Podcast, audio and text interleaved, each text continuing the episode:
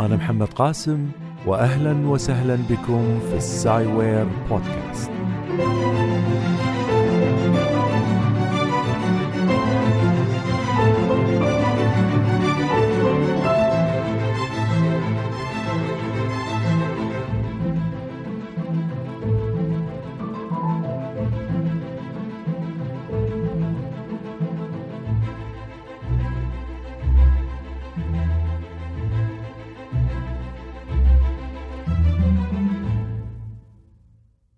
وسهلا بكم في حلقة جديدة من السايبر بودكاست. اليوم عندنا خبر رائع جدا. أعلنت ناسا بتاريخ 22 فبراير 2017 عن اكتشاف سبعة كواكب جديدة كلها شبيهة بالأرض. طبعا ليست هذه هي المرة الأولى اللي تعلن فيها ناسا عن اكتشاف كواكب جديدة.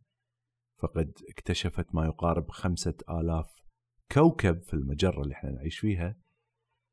ما يجعل هذا الخبر مميز ومهم هو أن كل هذه الكواكب اللي هي في مجموعة نجمية واحدة أحجامها قريبة من حجم الأرض. ثلاثة منها تقع في المنطقة الذهبية Goldilocks zone اللي قد تسمح لنشوء حياة عليها وربما الأهم من ذلك كله المجموعة النجمية كلها تبعد عنا حوالي 39 سنة ضوئية. يعني هذه قريبة بالمقارنة مع كواكب مكتشفة سابقا وهذا يعني أنه بعد أن يطلق التلسكوب James Webb Space Telescope ستكون هذه الكواكب في متناول اليد وسيتمكن العلماء من دراسة اجوائها بسهولة نسبية.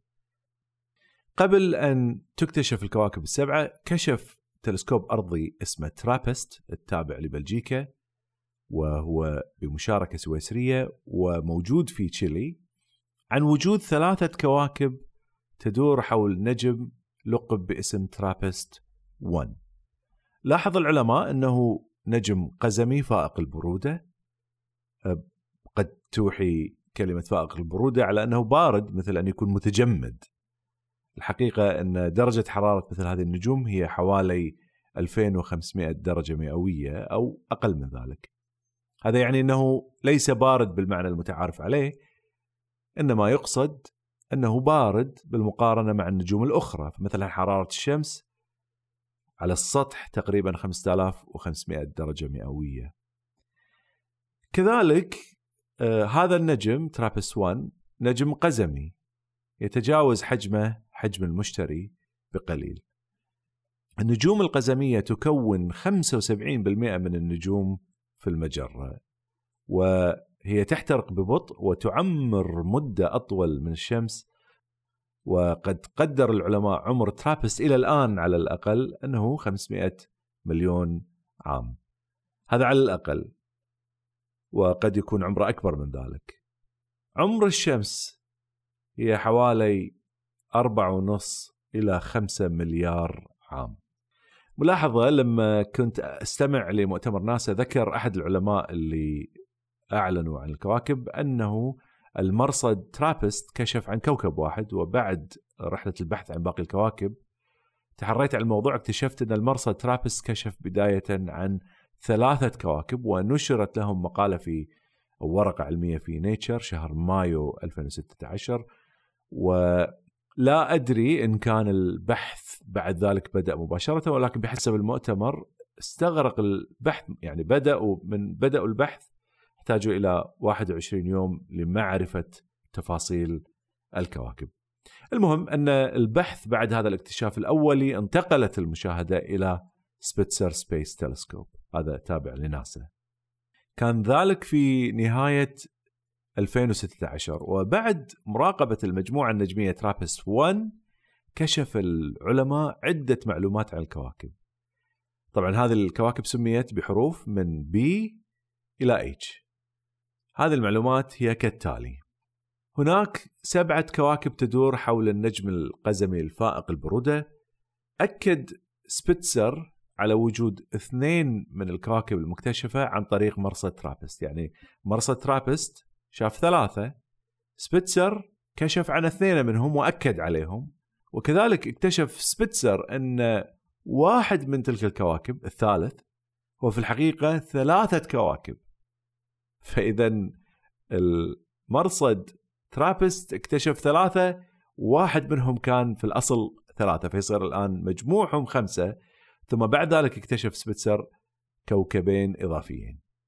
أكبر كوكبين هما G و B وهما أكبر من الأرض بقدر 10% أصغر كوكبين H و D وهما أصغر من الأرض بقدر 25% الكواكب كلها قريبة من النجم. يعني المجموعة النجمية هذه صغيرة جدا بحيث أن أقصى مدار لها لا يتعدى نصف قطر مدار كوكب عطارد.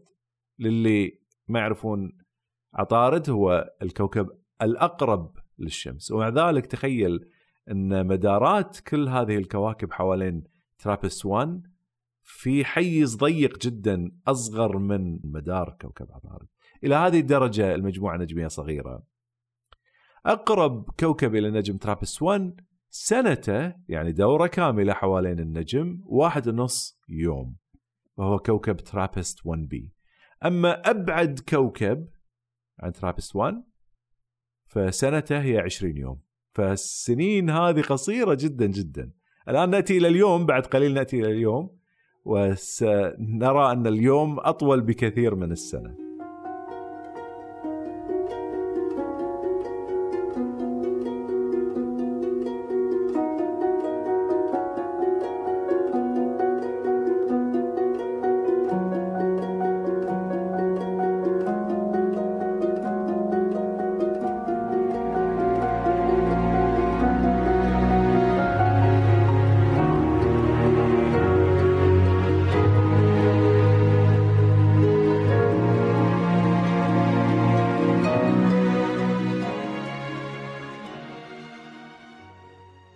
لنتكلم اولا كيف استطاع مرصد سبيتسر الفضائي ان يعرف هذه المعلومات عن الكواكب. قد يتصور البعض ان العلماء يرون تلك الكواكب باستخدام تلسكوبات بصرية، هذا غير صحيح. يعني ما في عندنا مراصد تستطيع أن ترى الكواكب على إشكالها. أحيانا يعني أنتم تشوفون على الإنترنت صور لهذه الكواكب، لكن الحقيقة هذه الصور ليست حقيقية، هي رسم لفنان متخصص في هذه الأمور يحاول أن يصور الكواكب كما آه، يشرحها له العلماء فاذا ليس هذه الصور ليست حقيقية إنما هي فكرة تخيلية لتلك الكواكب كما هي موصوفة عن طريق العلماء بحسب المعلومات الإحصائيات اللي عندهم عنها. ولذلك المراصد اليوم لا تستطيع أن ترى هذه الكواكب بوضوح إنما تستخدم طريقة أخرى. الكواكب بعيدة إلى درجة أنها لا يمكن تمييزها بصريا بأي تكنولوجيا متوفرة في العصر الحالي. لذلك يلجأ العلماء إلى طريقة أخرى لاكتشاف الكواكب البعيدة. الفكرة تعتمد على شدة إضاءة النجم وكم من إضاءة النجم يغطيها الكوكب الذي يمر من أمامها. حينما تدور الكواكب حول النجم فستغطي جانب منه. ستنخفض الإضاءة أثناء مرورها ومن انخفاض الإضاءة والكمية اللي انخفضت فيها يعرف العلماء حجم الكوكب. حتى تتضح الصورة أكثر تخيل أنك جالس خارج المنزل في يوم مشمس نور ساطع يضايقك رفعت بنتك يدها الصغيرة لتغطي وجهك عن الشمس. لكن يدها صغيرة ستغطي جزء بسيط من النور. ربما ستضطر لرفع يدك الكبيرة لتغطي كمية أكبر من النور. كمية النور اللي تغطيها كل من اليدين يعطي انطباع عن حجم كل واحد منهم. هذا ما يقوم به تلسكوب لمعرفة الأحجام. أما بالنسبة لسنة الكوكب فلما ينظر العلماء إلى أن يدور الكوكب حول النجم دورة كاملة يعني أول مرة يمر وبعدين يروح خلف النجم في الآن لا يغطي شيء من النجم ثم يعود مرة أخرى أمامه هنا يعرف العلماء سنة الكواكب أو الدورة الكاملة اللي يستغرقها الكوكب حول النجم. بالرغم من صغر السنة لكل كوكب إلا أن أيامها طويلة جدا أو أبدية لأن وجه واحد منها يتجه ناحية النجم مثل القمر اللي يظهر وجه واحد ناحية الأرض. هذا الأمر يطلق عليه كلمة تقيد مدي أو تايدلي لوكت وجود وجه واحد في جهة النجم ترابست 1 يعني أن الحرارة مرتفعة في ذلك المكان ولو كان الماء متوفر على آه، أحد تلك الكواكب لكان في حالته السائلة. أما في الجانب المقابل أو الجانب الآخر للكوكب فسيكون الكوكب بارد والماء متجمد.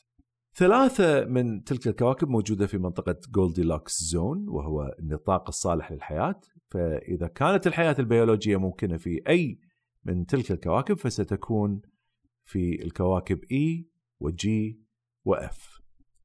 لا يعلم العلماء بالتأكيد إن كانت هي فعلا قابلة للحياة. فصحيح أنها منطقة ليست حارة جدا وليست باردة جدا إلا أنه بالرغم من وجودها في مكان مناسب إلا أن طبيعة الكوكب والمكونات اللي عليه هي أيضا ترتبط بنشوء الحياة. فحتى تكون هناك حياة بيولوجية من صفنا لابد من وجود الماء ولابد من وجود الميثين والأكسجين وغيرها من المواد.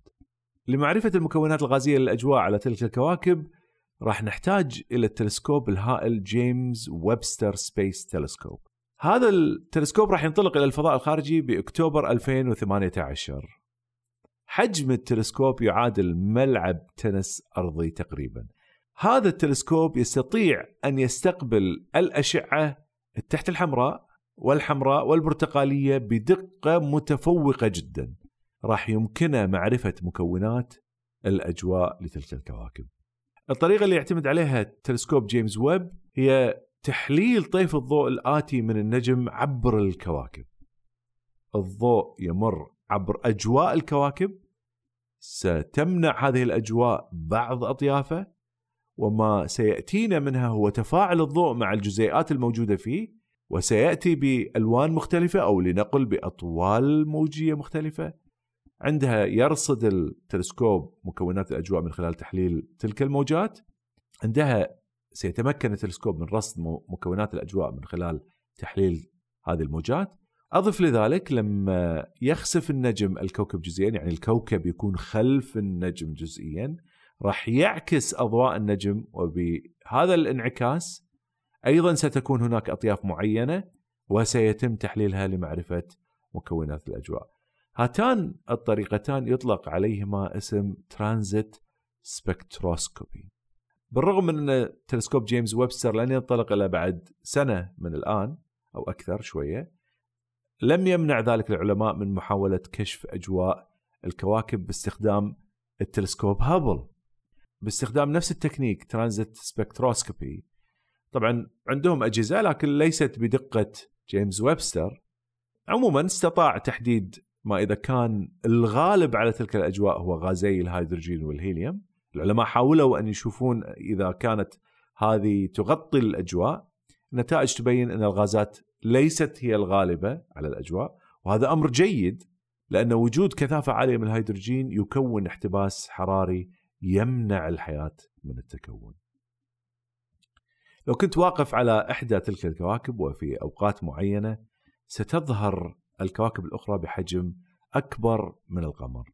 سترى مجموعة منها تملأ السماء حتى السفر بين تلك الكواكب يعني تخيل أنت تبي تنتقل لو كنت أنت على هذه الكواكب وتبي تنتقل من كوكب إلى كوكب سيستغرق أيام بالسرعات اللي نحن نطلق فيها الصواريخ. بالمقارنة طبعا نحن حتى نسافر إلى المريخ مثلا ننتظر أشهر حتى تصل المراكب إلى تلك الكواكب بعد أبعد من المريخ يأخذ وقت طويل جدا هذا بين الكواكب ولكن ماذا عن من هنا إلى من الأرض إلى تلك الكواكب اللي موجودة عند ترابس 1 لا تحلم بأنك تذهب لهذه الكواكب في عصرنا. حتى لو ركبت أسرع المراكب الفضائية الحالية لن تصل إليها إلا بعد ملايين السنين. حتى لو ركبت فوتون من الضوء ستحتاج إلى 39 عام للوصول إليها. هذه كانت معلومات عامة عن المجموعة النجمية ترابست 1 معلومات مذهلة جدا صراحة. يعني سمعت أنا عن كواكب في السابق ولكن تحمست جدا لهذا الموضوع أكثر من المواضيع الثانية. ولكن لاحظوا معاي قوة العلم.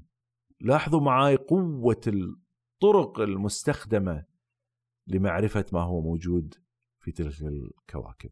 شيء رهيب صراحة. أنا أستغرب يعني كيف يصطاد التلسكوبات هذه الأضواء المنطلقة الخافتة جدا ثم يحللها ثم يعطينا تفاصيل عجيبة عن الكواكب البعيدة هذه.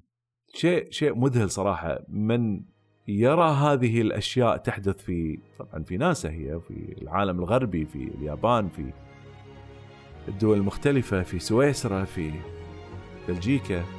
فعلا يصاب بالقشعريرة. أنا على الأقل أصاب في القشعريرة.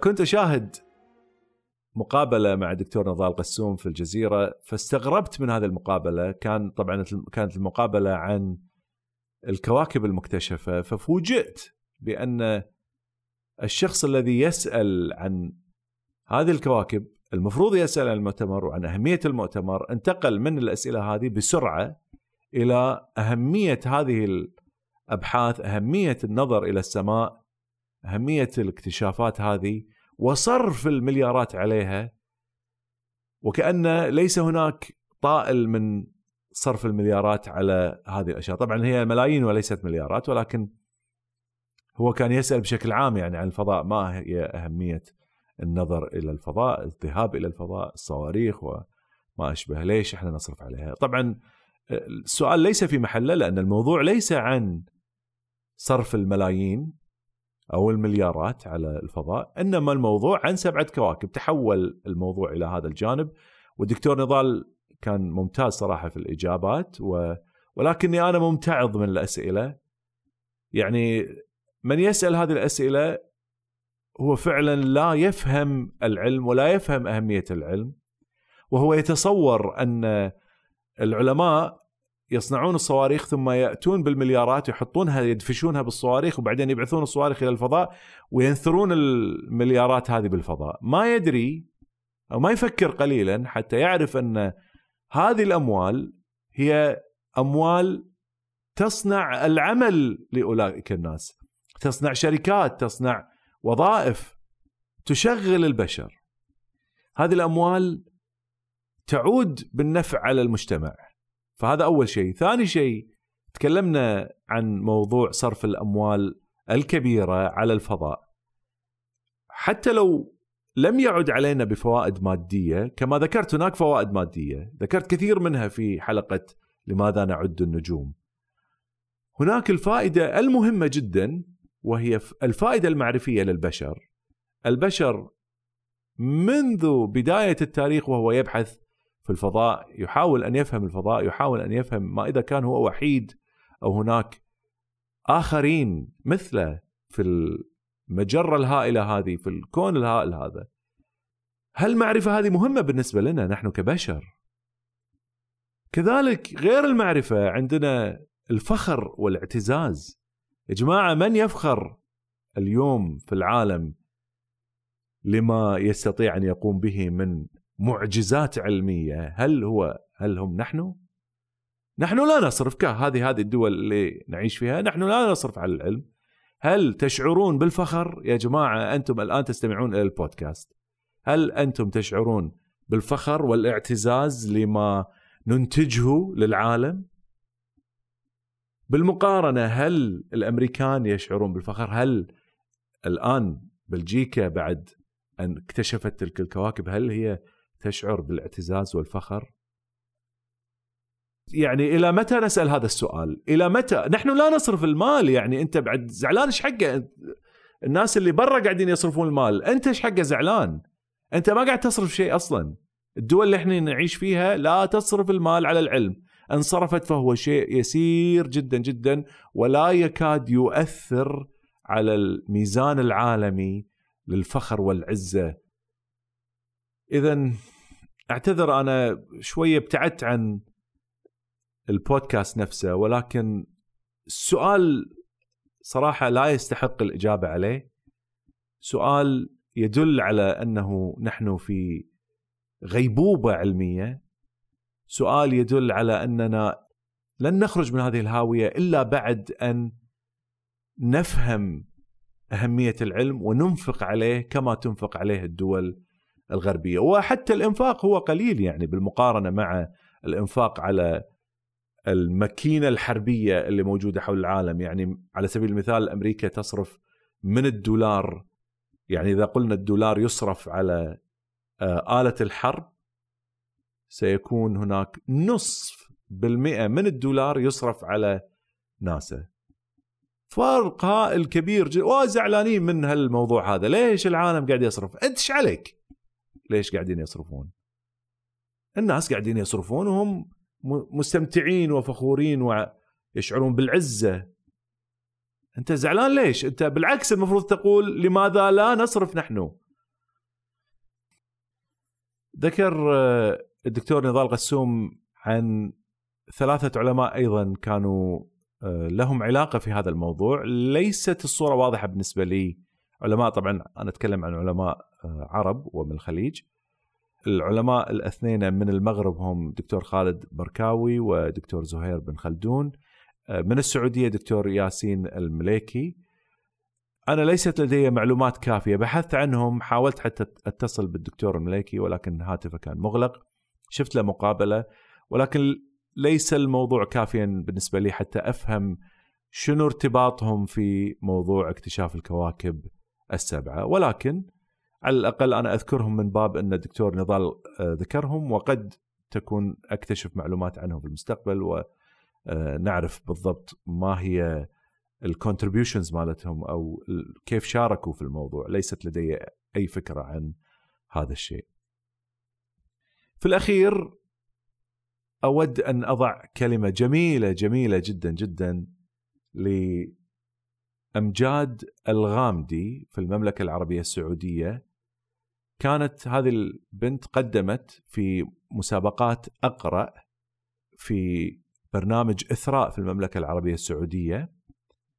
في الحقيقة كلماتها جميلة جدا جدا. أنا حضرت بدعوة من أرامكو عدة مرات وفعلا البرنامج رائع جدا. اولا أود أن أشكر آه، الأستاذ ناصر النفيسي اللي هو نائب رئيس أرامكو والأستاذ طارق الغامدي مدير مركز الملك عبد العزيز الثقافي اللي هو يصنع هذه البرامج. ومن خلاله طبعا تعرفت على صديقي العزيز عبد الله آل عياف وهو مدير البرنامج هذا في المركز.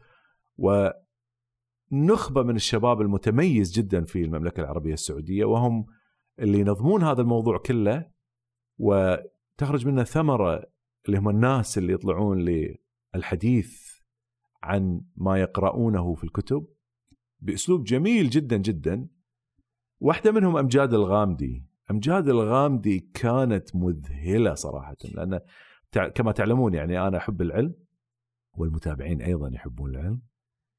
تكلمت بكلام عن العلم جميل يستحق السماع.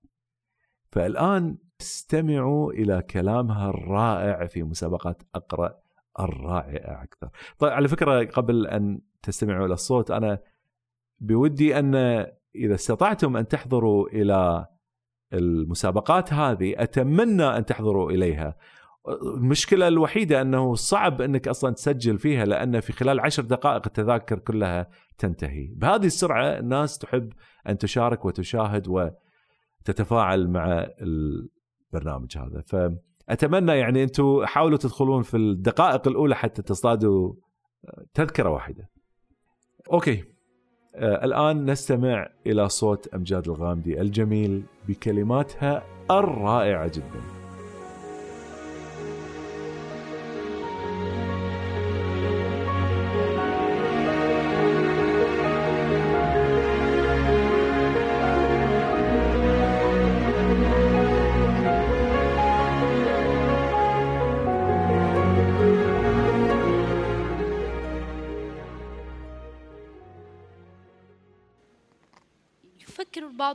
عقول الآخرين. وهناك من يتساءل عن إمكانية أن يكون مخفيا. وفكرة الخلود لا زالت تطوف بوجدان البشر.